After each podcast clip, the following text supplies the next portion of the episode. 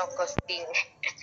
Di ghosting kemudian nanti pas mau penutupan muncul lagi kan foto bersama sehingga mereka ini tidak menyimak. Makanya dari panitia kemarin diberikan dua opsional uh, sertifikat dan juga surat keterangan. Nah hal-hal seperti ini nanti mungkin yang perlu disampaikan di awal oleh Bapak Ibu. Monggo uh, kesepakatan ini tidak harus sama ya Bapak Ibu. Jangan disamakan karena karakteristik orang kan berbeda-beda. Uh, beda suku, beda budaya juga beda. Karena saya pernah nih misalkan ada di satu pulau itu lucu kepala dinasnya bilang seperti ini Ibu Via nanti kita bikin undangannya itu pukul 7 saja lah apa nggak terlalu pagi Pak katanya banyak yang dari jauh gitu kan dua jam perjalanan dari gunung dari pantai dari mana-mana gitu kan. Oh tidak. Nanti kalau ibu Via itu uh, bilang jam 7 orang sini datang jam 10 jadi kalau nanti Ibu Via diundang itu bikin 8 mereka datang jam satu siang. Jadi uh, ada trik-trik seperti itu yang memang harus kita pahami ya Bapak Ibu budayanya. Jadi tanyakan kalau orang sini seperti apa ya biasanya. Nah, uh, monggo Bapak Ibu. Jadi jangan disamakan, Pak kita bikin kesepakatan ya seperti ini terus di copy paste Pak Kaswadi, Pak Iskandar, Bu Siti Aisyah di copy paste udah satu aja bikin nanti aku pas. Nah, tinggal dilihat saja pesertanya. Apakah pesertanya sepuh apakah muda belia apakah mahasiswa. Karena nanti bukan tidak mungkin Bapak Ibu juga akan diundang menjadi narasumber di perguruan tinggi Bapak Ibu ya. Karena mahasiswa-mahasiswa calon guru kita itu juga akan mempelajari tentang IKM dan juga PMM. Jadi Bapak Ibu nanti akan eh, mendampingi dosen-dosen, profesor, adik-adik mahasiswa yang ada di perguruan tinggi di seluruh Nusantara. Jadi ya Bapak Ibu insya Allah sudah paham ya meskipun itu remaja ataupun mahasiswa mungkin ada Bapak Ibu di sini yang putra putrinya kan juga sudah mahasiswa. Jadi hafal betul bagaimana karakter-karakter uh, anak-anak remaja ini. Kemudian next slide, Pak Andi. Bapak Ibu kalau saya kecepatan atau kurang kenceng suaranya uh, disampaikan ya Bapak Ibu karena saya ini lagi di taman di taman luar. Iya. Bagus, bagus. Suaranya bagus. bagus. ya. Oke. Nah, kemudian Bapak Ibu ini ice breaking saya tuh termasuk orang yang paling garing ya maksudnya garing kalau saya jadi peserta gitu karena saya itu magisternya kan psikologi jadi saya udah nebak hmm, pasti cuman kayak gitu doang gitu loh kayak nari-nari wek wek wek wek apa sih kayak apa terus joget apa sih dolphin itu kalau apa lumba-lumba yang nek nek lah gitu kan jadi kayak terus itu dengan bangganya mohon maaf ya bapak ibu Eh, karena kita kan juga dibekali kebetulan saya ikut TOT-nya dari Kementerian Kominfo tentang media sosial, literasi digital gitu loh. Ketika itu diunggah sama Bapak Ibu, itu tuh kayak lucu banget gak sih? gitu. Kecuali kalau gerakannya misalnya permainan apa gitu, menangkap apa gitu kan itu lucu gitu. Tapi begitu kayak nari-nari jadi kesannya nih acara apa? Nari-nari joget-joget gitu. Padahal e, sebenarnya nari-nari itu ngedance itu cuma lima menit Padahal Bapak Ibu kan sesinya banyak banget. Tapi karena yang terunggah di medsos itu yang lima menit, orang asumsinya itu cuma acara happy-happy, ngabisin anggaran untuk serapan anggaran karena akhir tahun. Apalagi teman-teman kita yang julid yang tidak terundang mengikuti acara itu. Wah, suaranya yang hanya nari biasa bisa digoreng garing jadi keripik gosong, ya kan? jadi uh, terus kayak apa ya Bu Via? Biar ice breakingnya tetap uh, edukatif uh, tapi mereka juga nggak bosan jadi kasih aja challenge bapak ibu. Misalnya bapak ibu bawa kertas atau bawa stick uh, stick es krim. Tahu ya bapak ibu? Stick es krim itu beli di ya ini kalau bapak ibu tatap muka ya. Kalau bapak ibu tatap muka sama karet marwana oke. Nah jadi kan sama karet. Terus mereka kita challenge nih untuk bikin ketapel. Ketapelnya siapa yang paling jauh? Nah itu kan sama-sama lima menit tapi seru gitu loh. Mereka akan berlomba-lomba.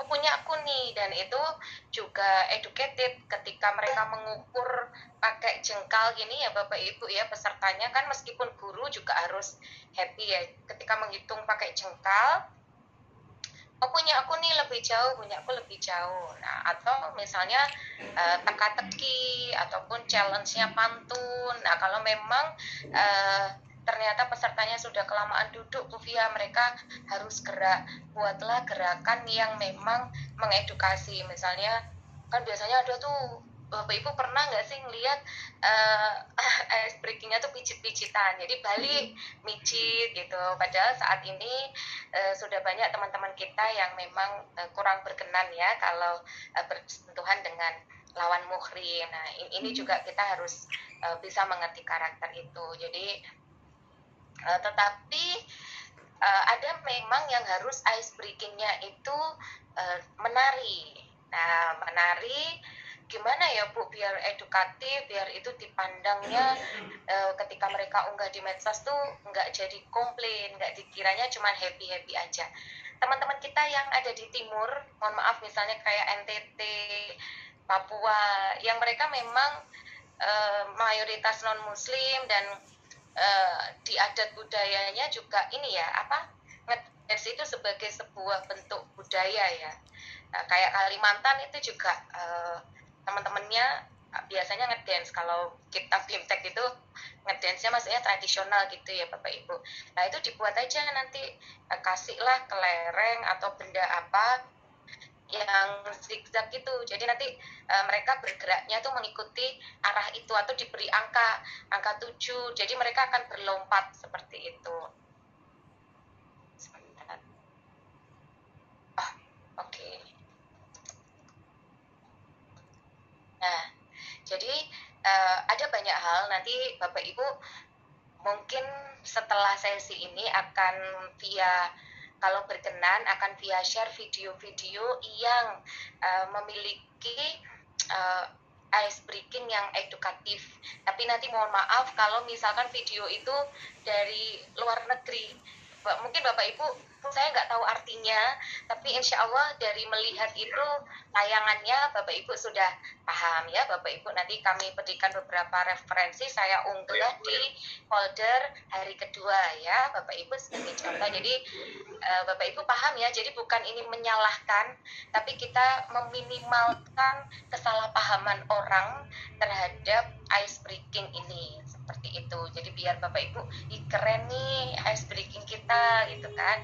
Jadi meskipun kita enggak uh, apa sih kalau cantik itu bahasa Inggrisnya apa good looking misalnya. Bu saya tuh nggak good looking loh bu. Kalau mimpin iya kalau mimpin ice breaking gitu nggak ada yang melihat saya bu. Hmm, semua pada mainan HP nggak apa-apa. Tapi kan kalau seru besok uh, kegiatannya permainannya ice breakingnya pasti semua akan fokus ke bapak ibu ya kan? Langsung semua pas sesi terakhir bapak ibu tuh semua langsung minta foto. Bu minta fotonya ya. Pak minta fotonya. Tuh kan gaya banget kan? Jadi dari dimulai dari hal sepele ice breaking. Karena kalau enggak itu udah orangnya ya elah gini banget sih garing banget gitu. Itu tuh uh, akan menurunkan value bapak ibu ya. Jangan sampai insya Allah kita di sini bareng-bareng. Nanti kalaupun ada bapak ibu yang punya referensi video pun saya juga punya nih Bu. Saya pernah dulu ikut pelatihan, saya punya referensi video ice breaking yang uh, well educated gitu. Jadi Bapak Ibu juga bisa dan boleh unggah karena foldernya sudah saya open, uh, siapa pun bisa mengunggah, bisa mengedit dan seterusnya ya Bapak Ibu. Jadi jangan sungkan untuk saling sharing, begitu juga dengan uh, via juga monggo diingatkan. Via ini mungkin seusia putra putri Bapak Ibu. Jadi kita di sini sharing aja. jika pasti panggil bunda tuh saya agak deg-degan ya Allah gitu. Kayak apa saya? Jadi bapak ibu ketika wa saya aduh bunda gitu. Aduh panggil via aja atau atau mbak gitu. Nggak apa-apa. Oke okay, next slide ya bapak ibu. Ya iya. Saya langsung deg-degan pak. Aduh nih bunda tuh udah kayak orang yang yes aja padahal nggak yes sama sekali. Cengengesan ya kemudian next slide Uh, Oke, okay. uh, di sini kan insya Allah Bapak Ibu tahu ya pendidikan orang dewasa itu uh, peserta itu pasti tidak mau digurui ya kan?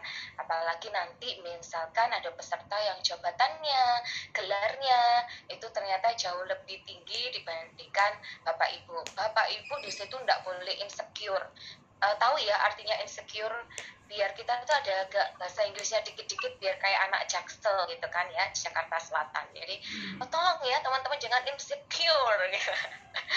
jadi nggak boleh insecure bapak ibu yang penting bersih wangi uh, kemudian tidak usah berpikir itu gelar nggak usah itu berpikir jabatannya bu di situ ada ini ya bu pak profesor itu eh, ada profesor bu padahal saya ngajar mahasiswa tapi profesornya ikut duduk di situ bu nggak mau pergi. Saya jadi deg-degan bu grogi tidak justru tunjukkan performa Bapak Ibu, sampaikan bahwa Bapak Ibu di situ sharing, tidak menggurui, tidak merasa lebih pintar. Kalaupun ada peserta yang kita kadang pernah nggak sih Bapak Ibu ketemu peserta tuh yang tanya itu bukan tanya beneran, tapi ngetes, ya enggak? Yang guru SMA pasti hafal banget tuh sering prank sama muridnya. Yang guru-guru SMA SMP yang dendam-dendam gitu siswanya alah ini orang ini tahu apa.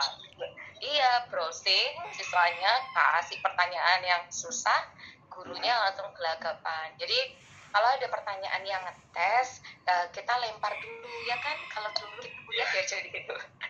Kita lempar dulu ke yang lain siapa tahu bisa menjawab. Dan bapak ibu nggak usah grogi nggak usah takut. Uh, kalaupun dites sama beliaunya justru kembalikan. Kalau menurut bapak perkiraan bapak apa? Misalnya kalau ditanya pak menurut bapak uh, nanti itu rapotnya tuh berubah mengikuti ini enggak gitu. Padahal sebenarnya beliau sudah tahu bahwa rapotnya itu hanya uh, justru malah lebih sederhana. Ya kan kalau kurikulum merdeka dibandingkan kurikulum 2013 nah kalau menurut bapak sebaiknya asumsi bapak seperti apa pak? Jadi dibalik dulu. Tapi kita tidak boleh uh, mempermalukan juga ya bapak ibu. Intinya bapak ibu itu harus tetap pede meskipun banyak yang uh, memberikan pertanyaan-pertanyaan jebakan atau ngetes bapak ibu jadi Bapak Ibu juga jangan dendam, jangan merasa dites. Justru ini challenge untuk kita. Kalau misalkan Bapak Ibu memang betul-betul uh, belum mengetahui jawabannya, artinya oh ya, aku berarti diingatkan sama orang ini untuk mempelajari ini, biar nanti kalau jadi narasumber di uh, episode berikutnya saya sudah menguasai ini seperti itu ya Bapak Ibu. Pokoknya legowo aja dibawa santai aja jangan uh, nanti asam urat kolesterolnya Bapak Ibu tuh eman-eman ya toh. Kalau naik gitu loh kerutan-kerutan bertambah. Padahal ibu-ibu ini sudah pakai skin care toh. Kalau nanti jengkel ya toh sebel aduh kerutan bertambah gitu kan. Oke next slide ya Bapak Ibu Nah, kemudian diskusi kelompok ini, ini udah menurut Bapak Ibu hal yang hal yang paling menyebalkan kalau ada diskusi kelompok tuh apa? Coba kalau yang nggak bisa jawab nyalain audionya boleh uh, ditulis di chat. Kalau pas waktunya diskusi kelompok, misalkan ada PA dulu, PA atau narasumber pusat dari Kemendikbud, ayo Bapak Ibu kita bentuk kelompok, kita diskusi kelompok. Hal apa yang paling menyebalkan dari sisi peserta? Menurut Bapak Ibu catat. Apa Pak? Pak Dede apa Pak? Menurut Bapak? Ya ya. E, kalau menurut saya Bu hal yang paling menyebalkan pada saat pelaksanaan diskusi kelompok e, terkadang e, keaktifan teman-teman kelompok Bu. Itu kadang kalau kita sedang melaksanakan diskusi dan sebagainya kadang ada yang kecenderungan memang aktif mengikuti, ada juga kecenderungan masa bodoh dan sebagainya. Apalagi kalau kita sedang mengerjakan tugas kelompok gitu. Jadi kadang ada yang sibuk dengan dengan kerjanya sendiri, dengan handphonenya, dengan apanya. Padahal harapan kita kan ini sama-sama mengerjakan supaya menjadi hasil diskusi bersama gitu. Jadi ada yang menyebalkan itu ya ketika uh, teman kelompok tidak aktif dalam mengikuti kegiatan diskusi itu. Oke, kalau Bu Rizka yang paling nyebelin apa Bu kalau pas tugas kelompok gitu?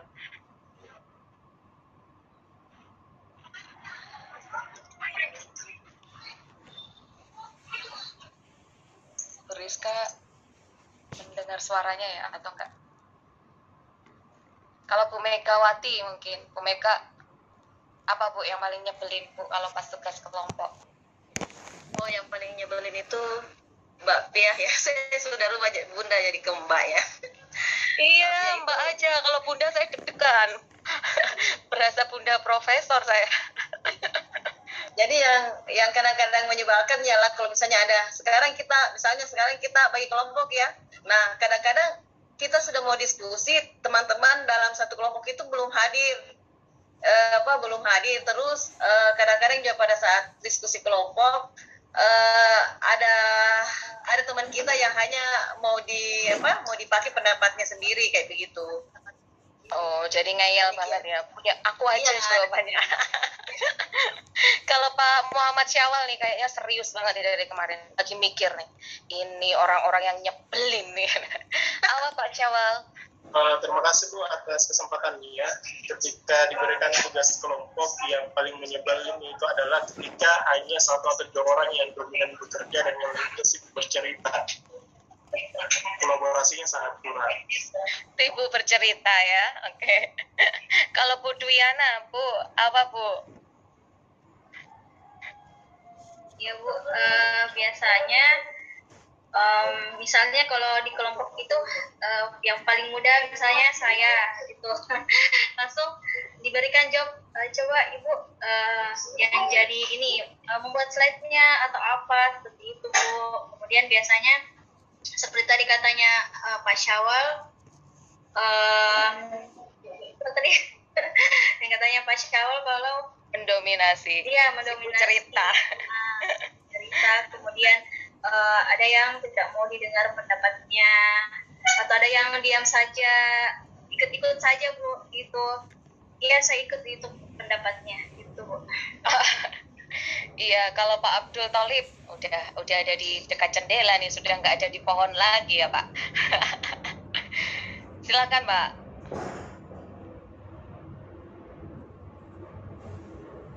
dinyalakan dulu Bapak. Bismillahirrahmanirrahim. Dipenyet audionya nyet. Bapak masih mute Pak.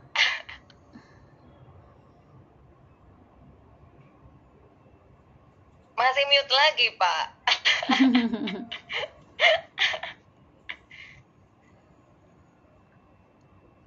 Audionya belum nyala itu sudah. Oke. Okay. nah oke. okay. Uh, terima kasih atas kesempatan yang diberikan kepada saya. Nah um, yang paling kayaknya tidak terlalu bagus di kala pembentukan kelompok itu adalah yang pertama. Adanya teman yang suka mengganggu. Yang kedua ada teman yang tidak mau bekerja sama kemudian e, bekerja sama dalam hal ini baik memberikan masukan-masukan ataukah jawaban itu kan tidak bisa diajak kerjasama. Yang ketiga adanya suka yang bermain-main juga. Gitu. Itu kan mengganggu juga konsentrasi di kala mengerjakan tugas. Barangkali itu, Mbak. Terima kasih. Ya. Oke. Okay.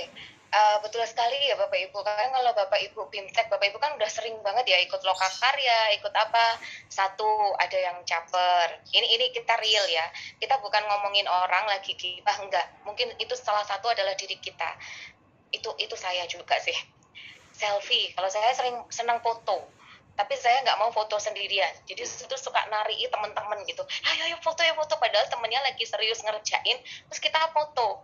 Terus pernah ngeliat nggak sih temennya satu kelompok lagi sibuk kerja terus dia tuh kayak sok-sok aja nih kayak moto gitu. Itu saya itu saya yang seneng kayak gitu moto gitu. Jadi uh, apa ya kadang kan ada ya bapak ibu seperti itu. Atau ada teman kita yang kayak melucu. Ya dia memang uh, sifatnya humoris jadi celetukan celetukannya tuh lucu ada yang memang pinter, sering menyahut, menjawab dan aktif gitu ya dalam diskusi. Ada juga yang uh, dia uh, sok cool, baik itu perempuan atau laki-laki sok cantik, hmm gini. Tapi hmm. begitu diminta diskusi, zong, ya kan?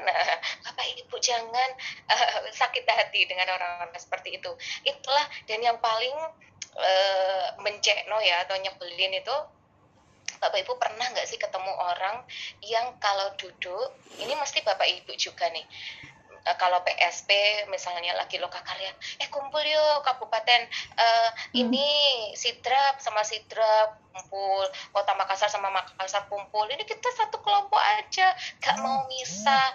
Ya Allah nanti gibah dan perguncingannya tuh temanya sama ya ya dinas kutun. Itu lupa kepala dinas itu nggak naikin pangkat pula. Ya kok bisa ya gitu ya menata sama Bapak Ibu yang dibahas di mana-mana tempat, tempatnya ngumpul, ya sama nanti, ya kan? Lebih baik mencet ini duduknya mencari kalau tatap muka. Sehingga Bapak Ibu kalau untuk uh, strategi untuk menata kelompok jangan banyak-banyak tiga aja loh bu. Nanti kebanyakan kelompok presentasinya kelamaan nggak apa-apa. Coba dari tiga itu nanti kelihatan kok mana yang linglung, mana yang moto, mana yang serius. Dan insya Allah kalau tiga tidak akan ada yang mendominasi.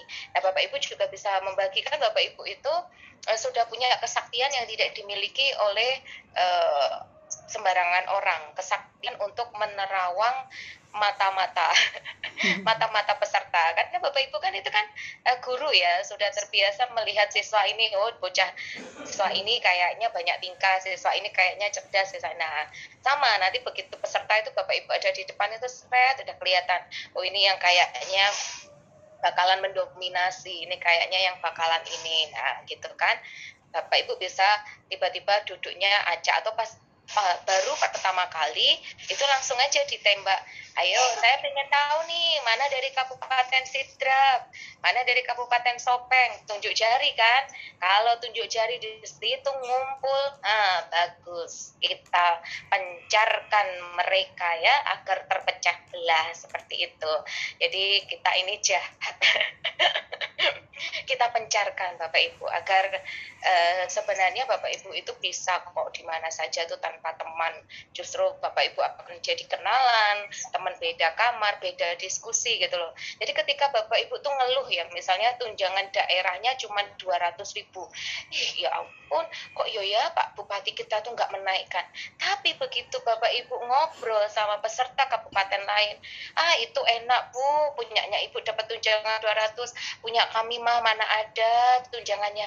Bapak ibu kan agak sedikit lego ya bersyukur kan nggak gibahin bupati lagi kan. Oh ternyata masih ada yang jauh lebih sengsara. Atau mungkin praktik baiknya dan seterusnya. Jadi eh, pergibahan diskusinya itu agak mulai beragam gitu. Ya. jadi nggak cuman uh, di kabupaten atau kotanya bapak ibu. Bukan berarti ini gibah yang negatif ya bapak ibu. Jadi misalnya bapak ibu sudah bangga nih misalnya dengan kota Makassar punya praktik baik seperti ini, punya program seperti ini, ketika kita nengok teman lain, ternyata ada yang jauh lebih hebat, kita jadi termotivasi kan, oh kita harus lebih baik lagi ini, jangan cukup bangga di sini, seperti itu ya Bapak Ibu. Jadi ah sama Bu Fia tuh diajarin gibah yang berbeda, enggak, maksudnya diskusi yang uh, beragam ya Bapak Ibu. Nah jadi Bapak Ibu sudah tahu dalam diri eh, diri Bapak Ibu terkait hal-hal yang menyebalkan dalam tugas kelompok. Nah, itulah nanti yang jangan Bapak Ibu lakukan atau uh, yang harus Bapak Ibu hindari ketika tatap muka. Nah, kalau uh, di Zoom meeting seperti apa itu lebih mudah lagi Bapak Ibu hanya tinggal uh, menyebutkan namanya saja misalnya di sini kan kelihatan nih Pak Kaswadi, Pak Iskandar nih wajah-wajah semangat kan Pak Dede kita jadikan satu dengan yang alim Pak Andi. Ini kan beliau alim diam gitu kan. Oh kita sandingkan ya kan?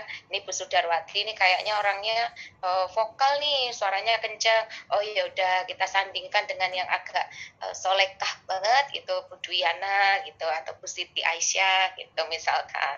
Jadi kalau kita dalam membagi kelompok juga kalau tatap muka ya Bapak Ibu mohon maaf sekali. Uh, kita lihat karakternya ya karena kita mengajarkan ke siswa itu kan untuk uh, kesetaraan gender. Jadi jangan sampai yang bapak-bapak ngumpul bapak-bapak ibu-ibu ngumpul ibu-ibu. Kecuali mohon maaf nih kalau bapak ibu diundang jadi narasumber di sekolah-sekolah swasta yang Islam misalnya di SDIT seperti sekolahnya Pak Muhammad Jawal atau mungkin di sekolah-sekolah yang karakteristiknya uh, apa memang harus memisahkan antara laki-laki, peserta laki-laki dan perempuan. Nah, baru itu Bapak Ibu. Makanya di awal itu kalau diundang jadi narasumber tanyakan, bukan berarti Bapak Ibu cerewet atau sok-sokan boten, nah, tapi tanyakan uh, berapa jumlah pesertanya, rata-rata usia berapa, kemudian uh, berapa banyak laki-laki, berapa banyak perempuan dan seterusnya. Seperti itu ya Bapak Ibu.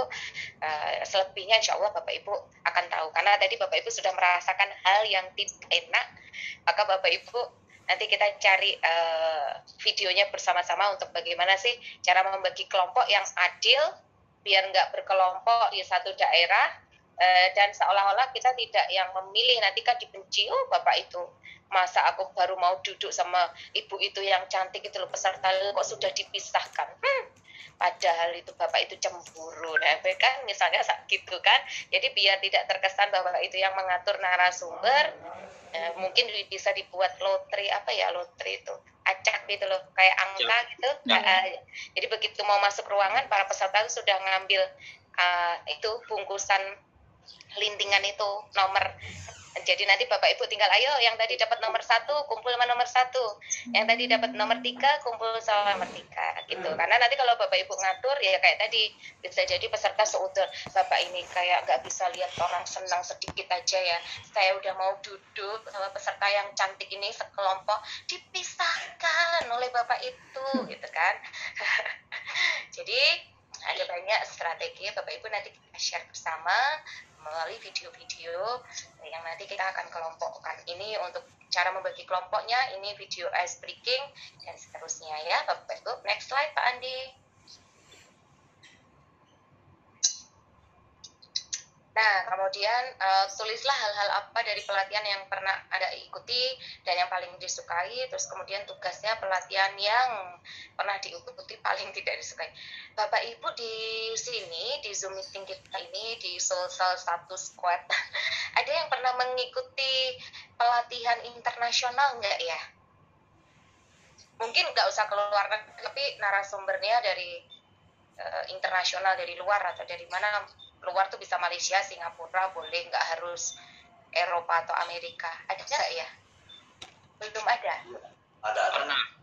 Pernah Pak Kaswadi. Ada. Ya, pelatihan apa Pak Kaswadi? Dulu uh, boleh bicara ya? Boleh. Oh, boleh. Terima kasih.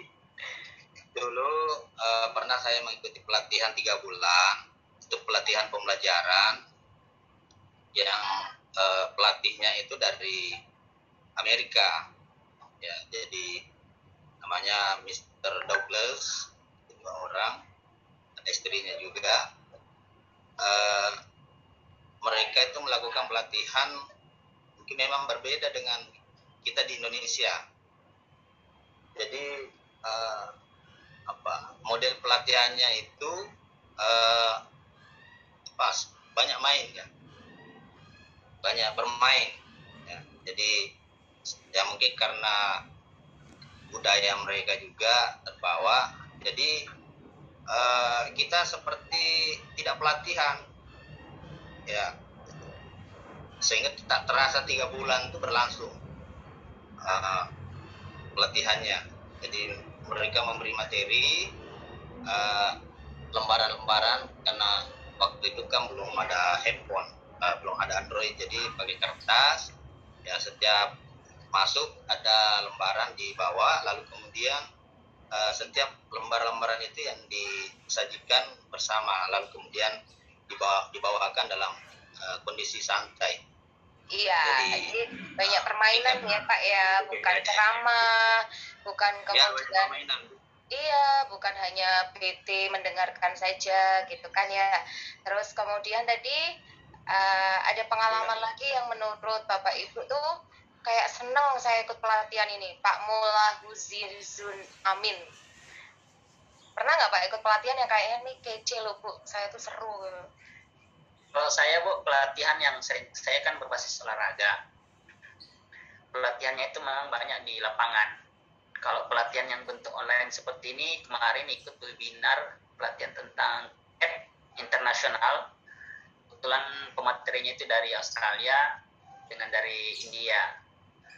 Uh, pelatihannya bentuk ini betul seperti yang disampaikan Pak Kaswadi tadi, betul. Kegiatan-kegiatan itu betul kita merasa ada di dalam situ. Jadi kegiatan itu betul-betul sangat uh, apa istilahnya kita merasa enjoy. Dan enjoy. Apalagi kami memang berbasis olahraga istilahnya di lapangan ya harus seperti itu. Mungkin ya jadi seneng ya Bu ya. Eh Pak ya. Kalau Bu Siti Aisyah pernah ikut pelatihan yang seru gitu nggak sih Bu? Yang nggak cuma disuruh duduk datang ngasen ngerjain sampai pinggangnya pegel Bu gitu. Iya, yeah, terima kasih atas kesempatannya. Uh, saya pernah mengikuti pelatihan TOT uh, dan alhamdulillah di pelatihan TOT itu kami diberi banyak hal-hal terkait dengan bagaimana seorang fasilitator peserta. Dan di situ saya mendapatkan bahwasanya uh, uh, ruangan itu harus dibuat uh, seru, harus dibuat energi, uh, banyak uh, ice breaking yang diberikan. Sehingga uh, para peserta enjoy untuk dan banyak menyerap uh, materi dalam uh, kondisi yang sangat uh, bahagia, senang. Dan juga uh, di situ saya mendapatkan bagaimana membuat uh, teaching plan uh, agar uh, kelas itu uh, betul-betul uh, betul-betul uh, terpenuhi semua apa yang uh, sesuai dengan uh, sesuai dengan uh, peserta. Ya, jadi banyak ekstrik terus uh, saya diajarkan untuk tidak uh, merasa lebih dari peserta dan uh, seluruh peserta dianggap setara dengan uh, pemateri. Ya, ya, terima kasih. Betul. Iya ya Bu, uh, sebelum kita lanjut diskusinya tadi sudah ada tiga ya yang yang menyampaikan ada Pak Kaswadi, kemudian ada Pak Amin dan juga Bu Siti Aisyah. Itulah kenapa kita harus tahu nih karakter pesertanya. Begitu dia begitu mereka loyo, kemudian duduknya menghadap depan. Kalau itu di kelas kita bisa buat di pinggir-pinggir. Apalagi kalau nanti Bapak Ibu diundang di perguruan tinggi ya Bapak Ibu di kampus di aula yang lebih uh, nyaman untuk kita geser-geser atau di keluar dan seterusnya uh, itu bisa dan diperbolehkan. Karena bapak di situ bapak ibu di situ sebagai uh, manajernya leadernya yang bisa mengatur uh, seperti apa kegiatan itu berlangsung. Kemudian uh, persiapan ya Bapak Ibu ketika tadi ingin permainan maka juga harus disampaikan bahwa sebenarnya permainan ini untuk mengantarkan materi ini. Mereka-mereka uh, belajar tentang ini tetapi tidak kerasa seperti itu. Dan uh, betul sekali apalagi kalau pelatihan di luar negeri ya Bapak Ibu atau mendatangkan narasumber dari luar itu mereka nggak pernah mandang gelar nggak pernah mandang usia dan biasanya manggil nama. Sehingga kita itu pede aja mau sebelah kita profesor dan ngomong itu nggak masalah. Kalau di kita hmm, baru kita ngomong gitu ya. Yang anak muda memberi masukan yang dokter yang agak sepuh udah gini. Hmm, sok tahu baru kemarin aja sok sokan beri masukan. Hmm, ya kan gitu kan? Di akhirnya kita merasa insecure oh udah ada senior kita. Pernah nggak sih bapak ibu bilang gitu oh ya uh, mungkin senior kita pak yang akan menyampaikan atau ini perwakilan dari uh, kita yang lebih senior gitu. Iya kan? Nah itu nggak boleh lagi bapak ibu. Bukan bapak ibu sombong tapi bagaimana bapak ibu melatih diri untuk memiliki self efficacy sehingga aura itu terpancar. Ketika Bapak Ibu mencontohkan kepada uh, Bapak Ibu guru lainnya di sekolah Bapak Ibu apalagi kalau Bapak Ibu sekolahnya kan masuk PSP itu akhirnya punya aura yang istilahnya tuh nggak cuma ngomong tok gitu loh tapi nggak iso mempraktekkan. Biasanya kan ada orang yang suka protes gitu ah Bapak tuh pernah nggak sih kita uh, karena kami sering banyak sekali menerima aduan ketika PA kita lapori tentang kendala-kendala misalkan ya. Itu jawabannya normatif. Oh iya pak sabar saja ya pak. Oh iya pak ditunggu saja. Memang kan memang seperti itu pak kenyataan. Nggak bisa kita um, membuat semua orang ideal dan seterusnya itu kan tidak memberikan solusi ke kita ya tapi hanya jawaban normatif. Maka bapak ibu uh, tadi sudah tahu ya hal-hal yang disukai oleh peserta tuh yang seperti apa dan yang tidak disukai seperti apa. Apalagi kalau misalkan bapak ibu paparan tuh melihat paparannya belum menguasai materi bapak ibu tuh nggak harus sama persis ya membacakan itu nggak harus. Yang penting uh, didekati. Kalau nanti misalkan tentang platform Merdeka Mengajar ya Bapak Ibu. Bapak Ibu coba keliling. Ayo kita coba lihat ya handphonenya dulu ya Bapak Ibu. Masih ada baterainya enggak? Pura-puranya gitu. Ya coba dicek baterainya. Masih enggak? Takut nanti pas waktunya menginstal baterainya habis. Pastikan terkoneksi dengan internet ya. Karena kemarin tuh ada yang tersinggung gitu ya. Uh, apa pernah ada yang tersinggung? Apakah ada memiliki koneksi internet gitu itu marah.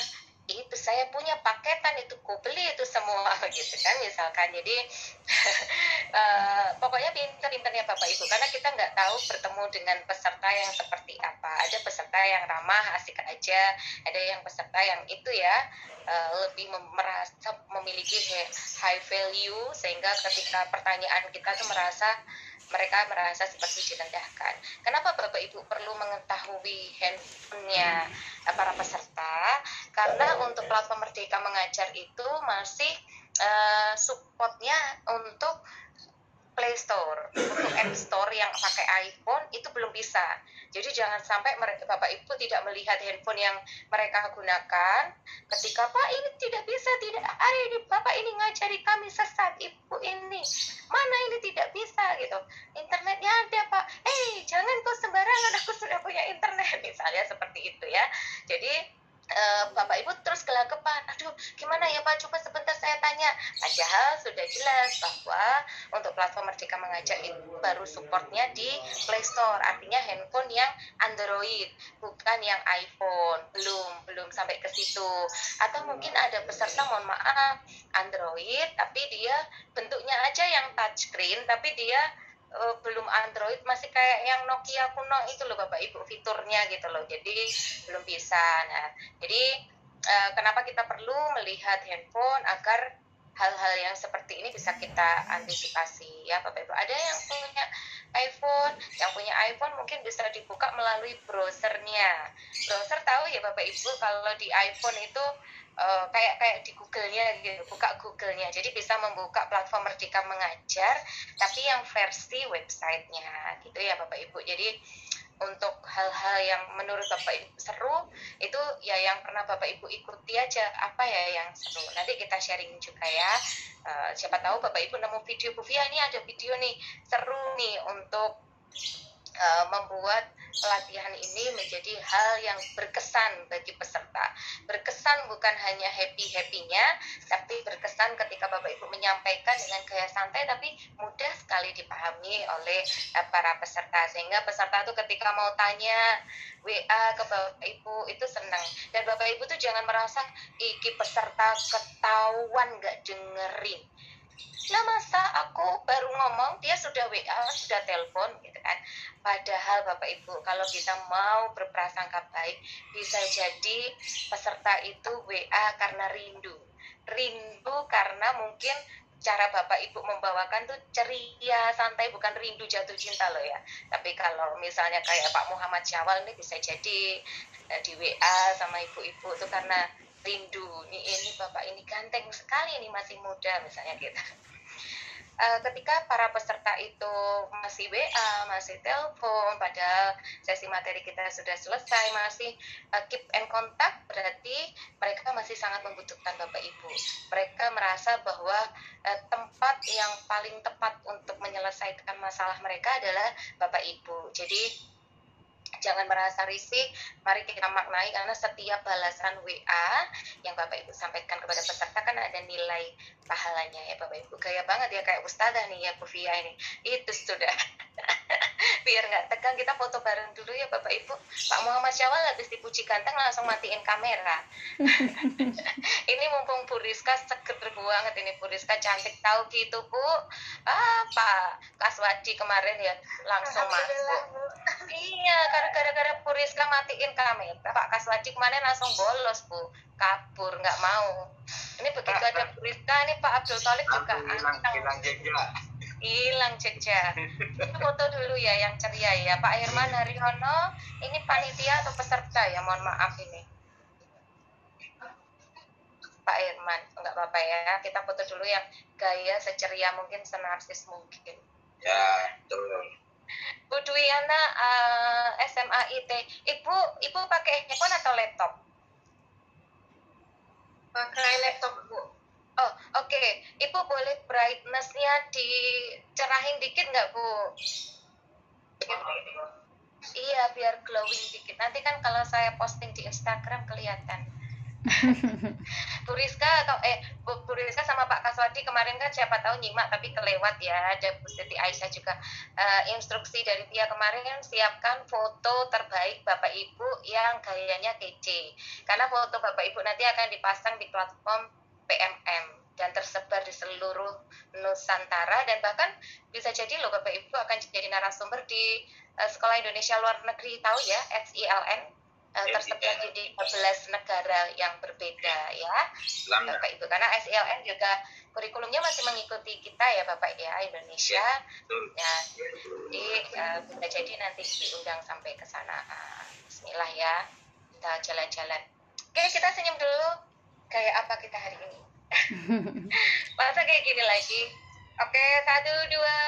Udah satu dua tiga nanti kayak ramai. Dua ya nanti kayak iya mantap. Fotonya banyak banget. Sudah saya kasih folder foto gitu ya biar bapak ibu bisa uh, narsis mengunggah postingan medsosnya mengikuti platform apa pelatihan fintech kurikulum merdeka platform merdeka mengajar. Jadi udah promo sejak awal ya bahwa bapak ibu lah yang akan menjadi narasumber nasional hingga internasional. Oke next slide ya Pak Andi.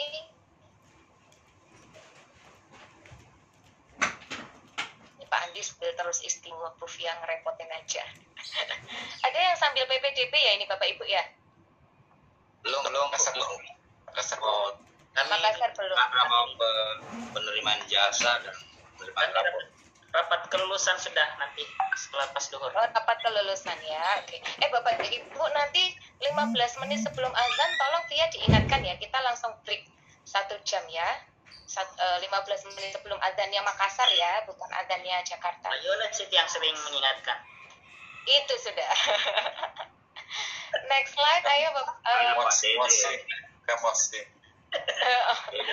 Tadi siap. Next slide, Mas uh, Pak Andi. Oke, okay. next slide.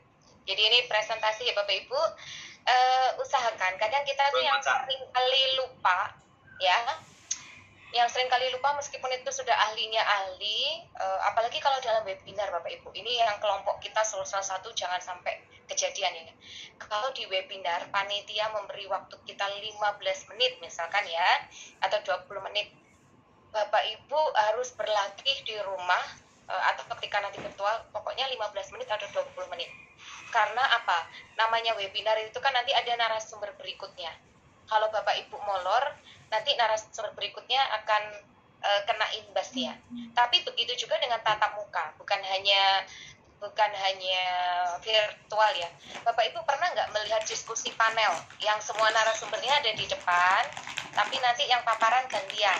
Nah, panel itu kalau sudah diberi waktu 20 menit, mau panitia misalnya nggak apa-apa pak lanjut aja ini ini ini bapak ibu harus menjaga value dan keprofesionalan bapak ibu. Tidak apa-apa bu saya uh, berhenti di sini ya. Uh, nanti kita lanjutkan pas sesi tanya jawab saja bu. Nah, karena nanti materi akan uh, kami bagikan gitu ya. Misalnya Bu Duyana ini kan suaranya lemah lembut, kalem sekali. Pas sudah latihan di rumah 20 menit ternyata waktu ketemu peserta jadi molor. bisa 40 menit. Nah, jadi meskipun panitianya menyampaikan, oh tidak apa-apa Pak, lanjut saja Pak, gitu. Tapi kita harus menjaga perasaan narasumber lainnya yang mungkin malah justru kurang berkenan kalau kita memperpanjang. Kadang mungkin mereka agak sungkan dengan kita karena Bapak Ibu kan nanti membawa, membawa bendera Kemendikbud ya, sehingga agak sungkan nih masa orang Kemendikbud uh, apa tidak boleh melanjutkan misalnya seperti itu jadi uh, ini yang harus kita jaga ya marwahnya uh, value dan keprofesionalan bapak ibu semuanya ya. Sepakat ya kita ya. Jadi uh, ini yang harus kita jaga. Uh, kemudian oke okay, next slide. Next slide. Pak. Nah ini yang seperti dia sampaikan di awal tadi ya untuk pengertian pembelajaran orang dewasa udah tau lah hanya uh, mendampingi pokoknya jangan sampai menggurui ya bapak ibu. Nah itu salah. Misalnya bapak kalau ini gimana? Pak saya tidak tahu ini bagaimana cara uh, mengerjakan project uh, best learning untuk project pancasila. Bapak projectnya apa? Oh saya membuat ini. Oh ya jelas keliru itu. Nah jadi jangan langsung dikatakan keliru kita belokkan dulu. Oh bagus sekali bapak. Sebenarnya itu udah bagus. Hanya kurang ditambah ini saja ini saja gitu ya bapak ibu ya. Uh, kadang kita tuh memang dalam hati kita uh, kita tidak merasa menggurui tapi ternyata lisan kita yang terucap itu uh, yang keluar kesannya menggurui gitu. Sama seperti dia. Eh, kayaknya kita diskusi aja sama ini apa level kita sama cuman sharing nggak ada yang uh, narasumber nggak ada yang siapa peserta nggak. Tapi ternyata lisan kita uh, keceplosan seolah kita yang menjadi lebih paling tahu atau lebih tahu uh, serba tahu dan seterusnya. Seperti itu ya bapak ibu. Oke kita next slide. Ah ini nggak usah dihafalkan. Kalau mau dihafalkan boleh tapi kalau misalkan uh, bapak ibu mau ngambil tokoh-tokoh yang saat ini dikenal oleh masyarakat boleh. Misalnya contohnya yang lagi hits misalnya Pak Ridwan Kamil atau Pak Ganjar ini politis dan nanti malah jadi kampanye. Atau tokoh-tokoh yang netral lah misalkan yang tidak berpolitik uh, siapa gitu ya bagaimana kita belajar itu bersama-sama dan tidak menggurui. Ini adalah teori-teori pembelajaran orang dewasa karena mereka beragam dan seterusnya. Next slide bapak ibu. Nah ini uh, tadi Via juga sudah jelaskan di awal ya bapak ibu bahwa kita tuh harus memahami karakter-karakter uh, orang dewasa. Dan orang dewasa ini kan sangat beragam ya sama seperti siswa. Beda budaya beda bahasa. Jadi kalau misalkan pernah nggak sih bapak ibu tuh merasa lu saya ini kan sebagai narasumber harus pakai bahasa Indonesia. Tetapi ketika kita uh, ketemu dengan peserta dan kita sepakat menggunakan bahasa daerah itu lebih enjoy lebih nyaman. Misalnya kayak saya orang Jawa Timur tuh ya udah kita ngomongnya nggak usah bahasa Indonesia. Loh ini udah ngerti belum? Ini ya apa? Bisa nggak? Gitu. Jadi pakai bahasa Jawa. Bapak ibu juga gitu. Misalnya bu saya diundangnya sama peserta Makassar nih bu. Dari Sulawesi Selatan bahasa kami sama. Oh ya udah. Uh, pakai bahasa itu aja biar lebih akrab lebih komunikatif uh, dan tidak ada semacam batasan ya. Kecuali mungkin ada bahasa-bahasa tertentu yang memang bapak ibu harus memilih bahasa Indonesianya gitu bukan bahasa daerahnya.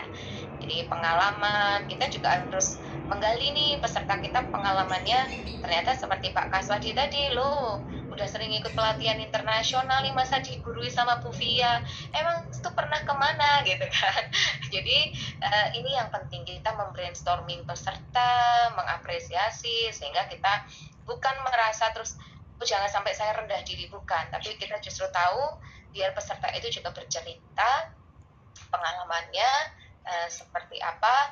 Ketika mengikuti pelatihan luar negeri tentang kurikulum merdeka misalkan peserta kan nanti akan mengimplementasikan itu oh itu mereka lebih banyak praktek. Oh berarti sama kurikulum merdeka juga gitu. Nanti akan lebih banyak waktu jam khusus tentang proyek uh, penguatan proyek Pancasila gitu kan misalkan ya Bapak Ibu. Uh, oke okay, kita lanjutkan. Terus motivasi belajarnya orang dewasa tuh kan biasanya macam-macam ya bapak ibu. Ada yang biar nggak ngajar di sekolah ya toh mereka ikut. Ada yang pengen dapat sertifikat ada yang pengen ketemu gebetannya ya toh. Itu pacar saya loh dulu waktu SPG atau dulu waktu kuliah gitu kan. Nah jadi uh, seperti itu ya bapak ibu. Kemudian ini sama ini penjelasannya ya terkait orang dewasa. Uh, Bapak Ibu yang perlu uh, hal sepele yang perlu kita ingatkan adalah uh, kerapian Bapak Ibu ya, penampilan. Nggak harus berbaju mahal, berbaju bagus. Tapi kalau misalkan mohon maaf sekali, baju kita mungkin sudah disetrika, tapi ketika duduk di kendaraan, baik itu motor atau mobil, kan tikel tuh, tikel tahu ya, kusut. Kusut, uh, akhirnya peserta itu akan melirik, melirik Bapak Ibu, ah bapak ini kelihatannya bajunya tidak disetrika sama istrinya. Oh mungkin lagi marahan. Oh ibu ini kerudungnya ya ada brosnya gede banget ini. Belinya di mana? Jadi jangan sampai kita menggunakan hal-hal yang menjadi pusat perhatian uh, peserta gitu. Atau misalkan nih uh, ada uh, jambul atau poni. Bapak ibu kan pernah lihat pak presiden ya waktu pidato rambutnya gini kan itu bu, ibu negara kita bingung untuk mengingatkan beliau gitu. Karena akan jadi perhatian sama kayak peserta apalagi anak-anak ya kan kritis. Jadi eh, apa kita kalaupun itu keburu-buru kita punya waktu untuk menerima apalagi kalau virtual seperti ini bapak ibu. Ini saya juga sering ngaca nih.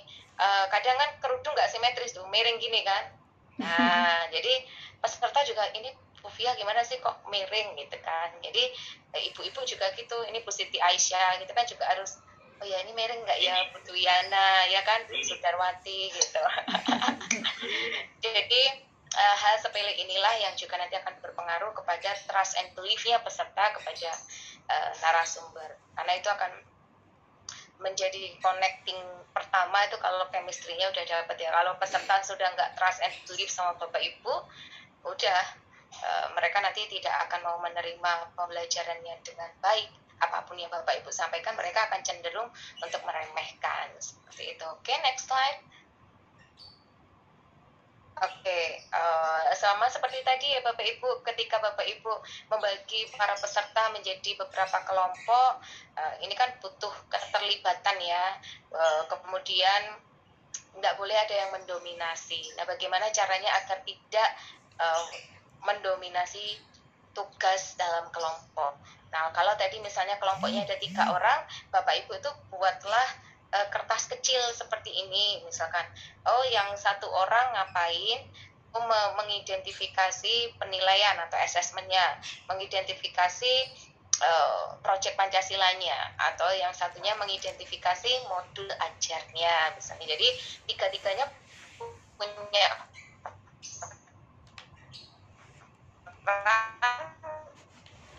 yang sama-sama. Ketika satu peran saja tapi kemudian sambil dibimbing jangan terus di take over. Kadang kan ada satu um, kelompok yang merasa dominan di take over ya. Take over tahu ya bapak ibu diambil alih. Sini pun saya kerjakan aja yang penting kelompok kita selesai. Ingat ini bukan kompetisi antar kelompok tapi bagaimana kita memberdayakan semua peserta untuk terlibat. Kata memberdayakan ini yang penting ya. Nah, kadang kita yang sering lupa, bahkan mungkin Bapak Ibu sering loh seperti itu ya. Kalau waktunya PSP gitu, uh, loka karya misalnya kelompokan, uh, yang penting kelompok kita tampil yang presentasi yuk duluan. Ayo, ayo, ayo. Lupa bahwa esensinya bukan presentasi terbaik kompetisi antar kelompok, tapi bagaimana kita memberdayakan anggota kita. Kita nggak apa-apa paling jelek presentasinya paling akhir tapi kan kita bisa memberdayakan orang yang awalnya main handphone, orang yang awalnya bercanda-canda, orang yang awalnya nggak mau mikir, cuman pasrah sama yang muda gitu kan. Nah itu ya, biar yang senior ini juga merasa berdaya, meskipun tugasnya diberikan yang muda, misalnya Mbak buat slide presentasi ya kayak tadi Bu Dwiana kan menyampaikan seperti itu. Tapi Bu Dwiana bisa tanya nih ke yang senior, Ibu kira-kira kalau ini menurut ibu apa ya? Karena yang sepuh ini jangan diremehkan. Beliau pengalamannya jauh luar biasa. Beliau yang paling tahu esensi dari pembelajaran siswa itu apa. Beliau-beliau inilah yang sudah punya pengalaman dari berbagai perubahan kurikulum seperti itu ya Bapak Ibu. Jadi uh, agar semua berdaya. Kemudian sebentar sebentar ya Bapak Ibu.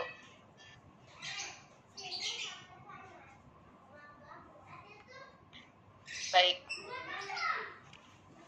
Bapak Ibu, kalau sembari ngemil dan seterusnya ya, eh, apa ngemil, minum diperbolehkan.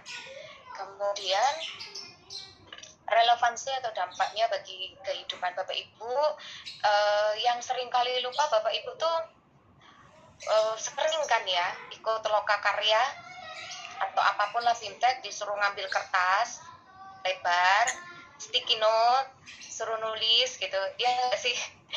Nulis aja tuh yang penting bener yang penting jawaban kita banyak warna-warni ambil stiker note-nya sebanyak mungkin yang penting warna-warni ya tuh dibentuk kasih gambar tanda panah tanda ini.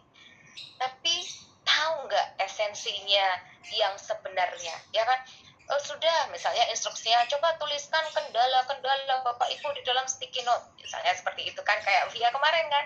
Tuliskan di Miro tulis semua. Tapi setelah itu waktu untuk membahas atau memberikan feedback itu terbatas. Ya kan?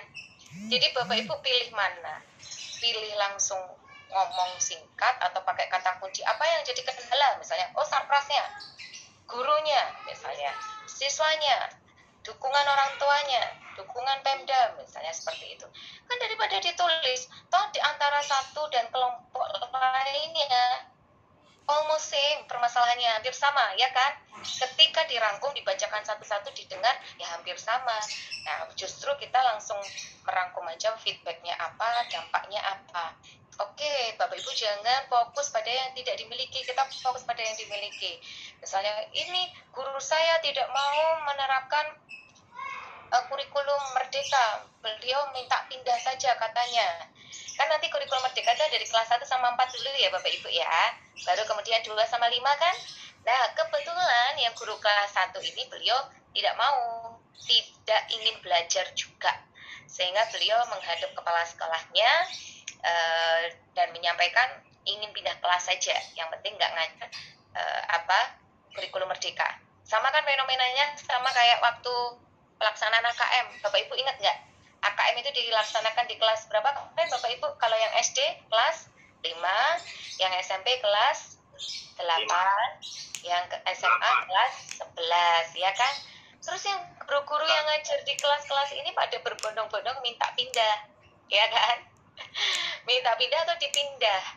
Nah, yang salah tuh kalau pas dipindah atau minta pindah tuh sebenarnya nggak salah sih, itu hak mereka untuk mengutarakan apa yang mereka rasakan. Tapi akhirnya kan menjadi tidak berdaya itu tadi.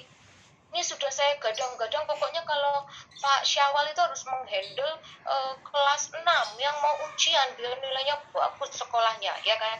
Karena nanti ujiannya di kelas 5 maka Pak Syawal saya pindah ke kelas uh, eh, 5 artinya kan tidak memberdayakan guru lain. Kita tidak percaya dengan kemampuan guru lain begitu di level SMA ataupun SMP jadi Bapak Ibu ketika kerja kelompok mari kita uh, relevansikan permasalahan-permasalahan itu menjadi real. Jadi Bapak Ibu tuh menjawabnya benar-benar solusi nggak normatif nah itu kita tunggu saja Ibu ya kebijakan pusat ya Ibu ya. Oke Bapak Ibu kita bersabar saja ya kita menunggu informasi selanjutnya. Itu normatif tidak memberikan solusi nyata untuk para peserta. Bapak Ibu kan pernah sebel tuh kayak gitu kan. Ini saya guru saya tuh ada loh yang telat terus berangkatnya laporan kepada PA gitu kan misalnya. Ya sabar aja bu namanya manusia gitu kan. Aduh nggak solusi dong gitu kan. Ini nanti bapak ibu e, kalau ada peserta-peserta yang akan diskusi atau mengutarakan masukan permasalahannya bapak ibu sudah tahu nih mitigasi resikonya bapak ibu sudah memetakan oh ini loh caranya yang bagus seperti ini karena praktik baik itu Bapak Ibu, Bapak Ibu bukan hanya nge-share video. Ini ya praktik baik saya videonya. Ini lima menit saya buat. Ini butuh perjuangan. Saya harus nyari sinyal pergi ke kota ya toh. Kemudian ini saya ngedit dibantu anak saya. Bukan itu yang diceritakan. Bukan cara membuat videonya tapi esensi konten dalam video itu apa apa yang melatar belakang Bapak Ibu melakukan pembelajaran itu, mendokumentasikan kegiatan itu dalam sebuah video, tujuannya apa ya Bapak Ibu. Jadi jangan sampai salah untuk merelevansikan hal-hal yang ingin Bapak Ibu sampaikan. Nah, pengalaman sama ya kayak tadi ya Bapak Ibu, pengalaman ini tidak jaminan kok orang yang banyak mengikuti BMTEK itu pengalamannya iya. pasti luar biasa justru ada orang yang nggak pernah ikut bimtek nggak pernah ikut workshop nggak pernah ikut webinar begitu ikut dia memahami semuanya dia memaknai itu dan mengimplementasikan itu uh, bisa dipotret. Jadi kita jangan sampai ketika melihat CV dari narasumber tandingan kita, waduh narasumber tandingan kayak kompetisi ya.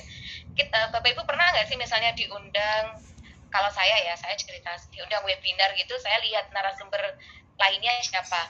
Terus saya cari tahu, saya searching Bapak, uh, misalnya Ibu Rusnah gitu oh Ibu Rusna ini ternyata kepala sekolah berprestasi apa apa apa, apa. nah itu